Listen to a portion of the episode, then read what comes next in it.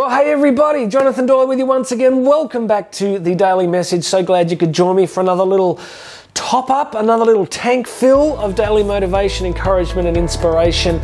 You know, the great Zig Ziglar, one of the great giants of personal development, said, uh, I, I can't remember the exact quote, but it was along the lines of, you know, people say that motivation doesn't last that you can get pumped up? But it doesn't last.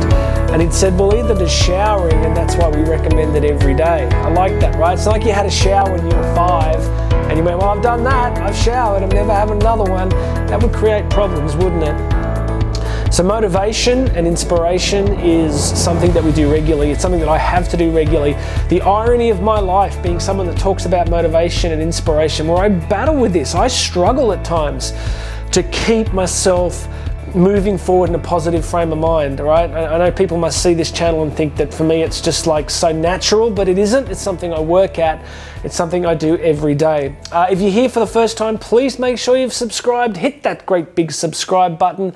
Uh, would be really good to have you do that and grab a free copy of my book, Bridging the Gap. There's a link here. Or if you want to find out about coaching with me or booking me to speak somewhere, there will be links here either on the podcast version or YouTube, so please do that. Let's jump in. Today, we're going to do a quote from one of the great writers of American history, Mark Twain. Keep away from people who try to belittle your ambitions. Small people always do that, but the really great make you feel that you too can become great. This is really good. This is true because people who are operating at a high level in life, people who are happy, productive, energetic, doing useful, valuable things with their life, experiencing some success, tend to just want to share that with others. It's, it's when people end up in a scarcity mentality, when people end up in a shrinking mentality, that the world's against them, or there's not enough resources, not enough for everybody that they'll tend to close in and then attack those who are trying to make change in their lives. Whereas people who are expansive and living some level of success tend to want you to do the same. There's this abundance thing that kicks in where successful people really tend to want you to be successful. So, what Twain is reminding us of today is we want to keep a pretty close eye on the people that we are surrounding ourselves with. Now, I write about this in Bridging the Gap if you don't have a copy yet. It's what we call reference groups. It's this concept of the people that we surround ourselves with most of the time are going to have a significant impact on our lives. They just really do. It's not really complex, is it? If you're surrounded by a bunch of really negative people that constantly put you down, constantly make you feel uncomfortable, constantly tell you what you can't do, why you'll never.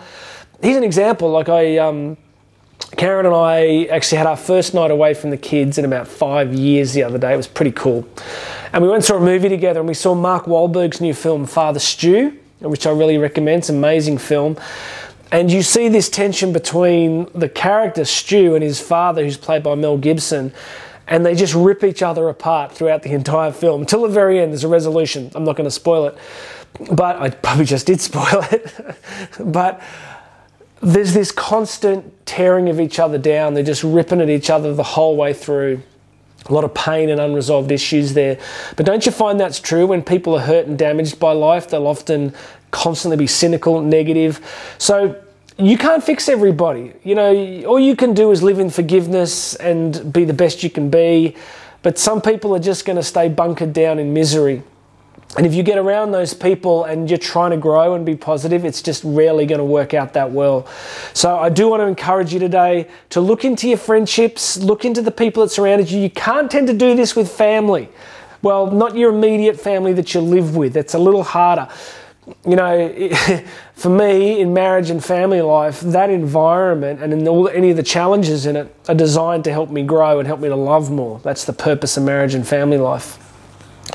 But in your extended family, you know, you can allocate less time for people that are really proving to be very difficult in your work environment. You can just go, I don't need to have a massive raging argument with people.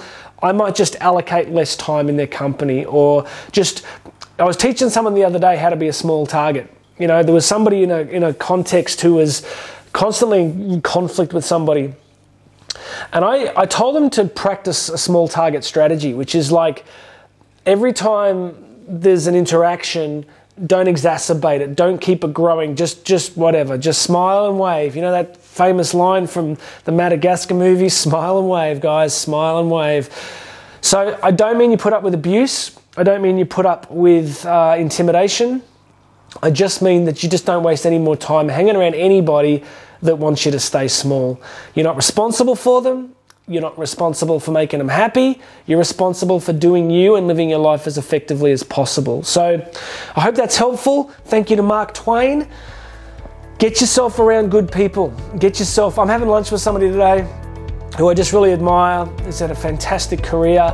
We just love each other's company. We have a good lunch today and just you know riff on philosophy, politics, history, economics enjoy some great food, and we just really, you know, want to encourage each other and help each other to do well as, you know, husbands and fathers and and men and, and business operators. So there's a mutual kind of energy there that feeds on itself, and that's the kind of thing you got to go looking for.